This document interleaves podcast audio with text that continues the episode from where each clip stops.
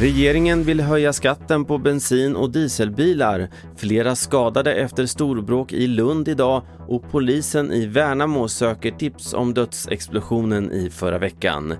Men först i TV4-nyheterna om att gerillagruppen NRF i Afghanistan tillbakavisar beskedet om att talibanerna tagit kontrollen över Panjshirdalen, den enda kvarvarande delen av landet där talibanerna inte tagit makten. Gerillagruppen manar nu till ett nationellt uppror. Regeringen vill höja skatten på nya bensin och dieselbilar, det meddelade klimatminister Per Bolund idag. Samtidigt höjs miljöpremien för elbilar i budgetpropositionen. Omställningen av vår bilpark går snabbare än vad egentligen någon hade kunnat eh, föreställa sig.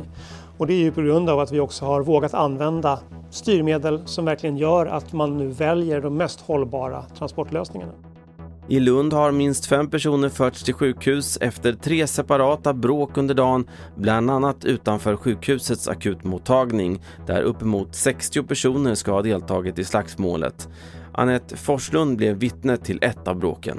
Jag tänkte nog liksom, eh, är det så stenåldersfasoner liksom?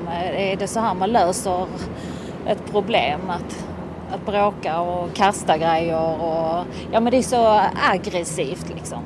Mer om det här på tv4.se.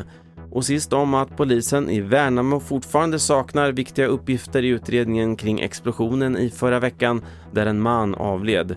Det sa Rickard Findal, chef för grova brott i höglandet Värnamo på en pressträff idag. Jag är helt övertygad om att det finns folk, personer framförallt i Värnamo-trakten som har vetskap om den här händelsen och har information att lämna till polisen.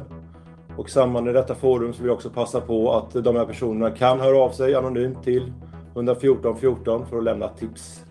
Där fick du senaste nytt från TV4 Nyheterna. Jag heter Carl-Oskar Alsen.